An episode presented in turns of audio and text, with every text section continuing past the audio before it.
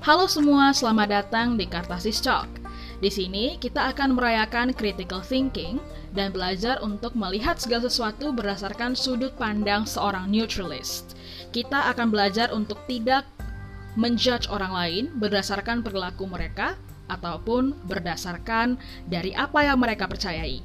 Kita akan melihat segala sesuatu berdasarkan sudut pandang yang sangat rileks, scientific based, dan juga full of love and also compassion. So, stay tuned.